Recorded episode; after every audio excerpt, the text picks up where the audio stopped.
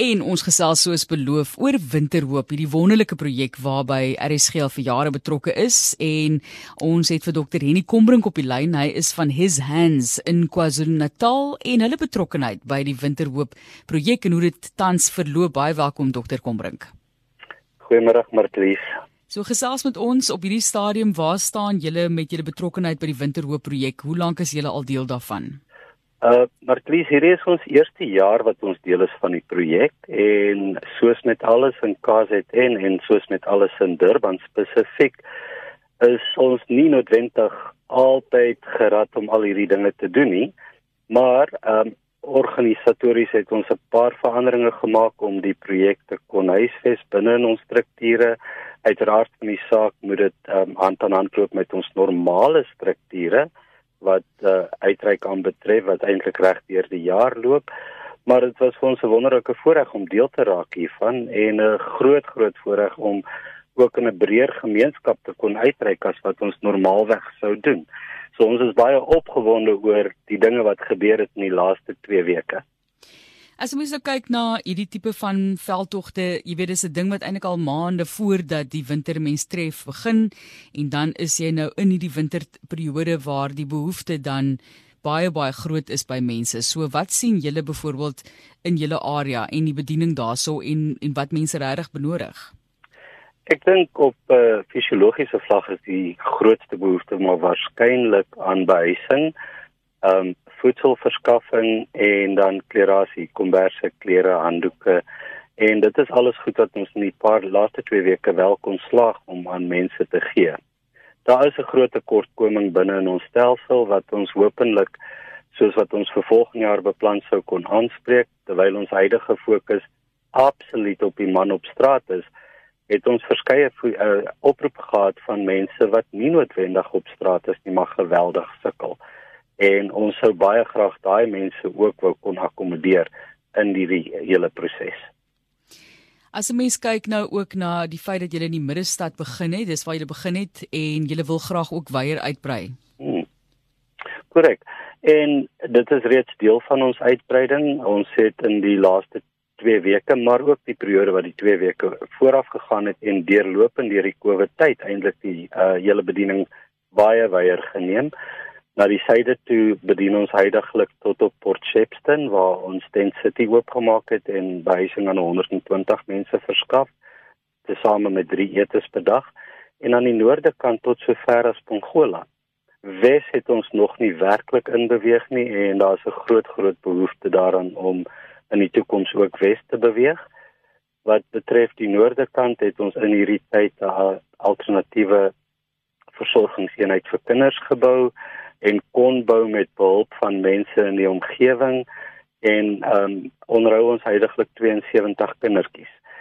So die bediening gaan reeds uit na verder as net die Durban middestad, maar die fokuspunt bly tog Durban middestad waar ons 'n geweldige probleem het met 'n klomp goed.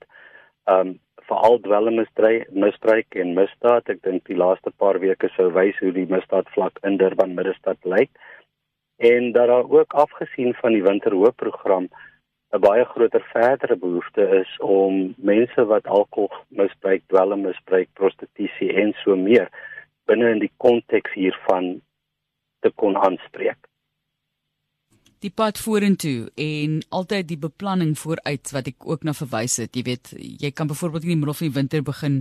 Al jy nee. kan, jy kan nog steeds vir mense komberse insamel, daai tipe van ding, maar mense sal graag wil sien dat jy van die begin af reeds voorberei is vir daai periode. So wat lê vir julle voor en hoe lyk julle beplanning selfs vir die volgende winter?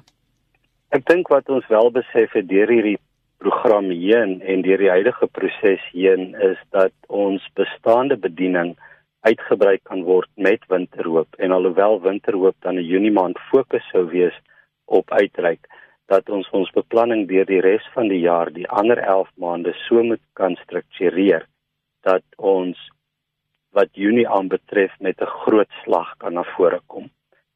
Um en dit gaan weier gaan as net die middestad uh, vir daai doeleinde gaan doeleindes gaan ons ander gemeentes moet betrek in die proses.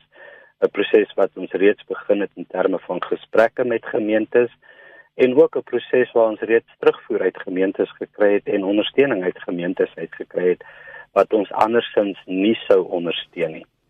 En hierdie is nie net gemeentes in die uh, tradisionele NG Kerk tradisie nie, maar ook uit ander gemeentes in die apostoliese tradisie en Pinkster tradisie.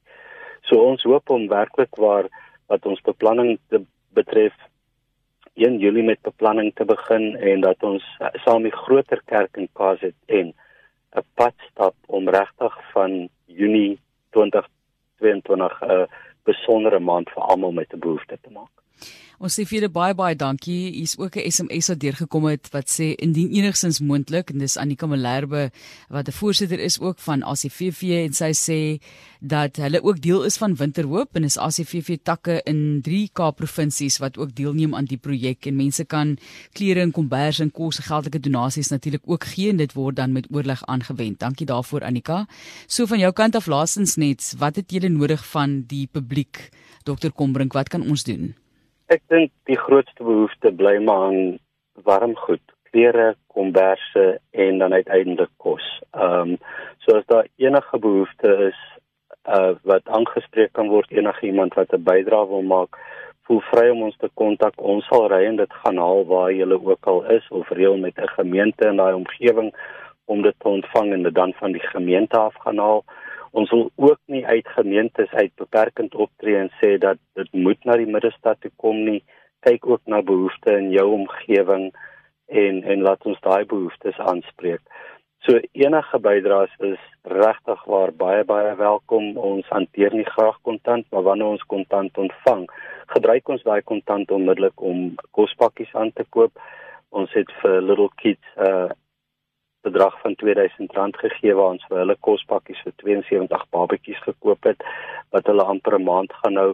So dit is ook welkom, maar ons verkies om produkte kry wat ons fisies onder die mense kan versprei.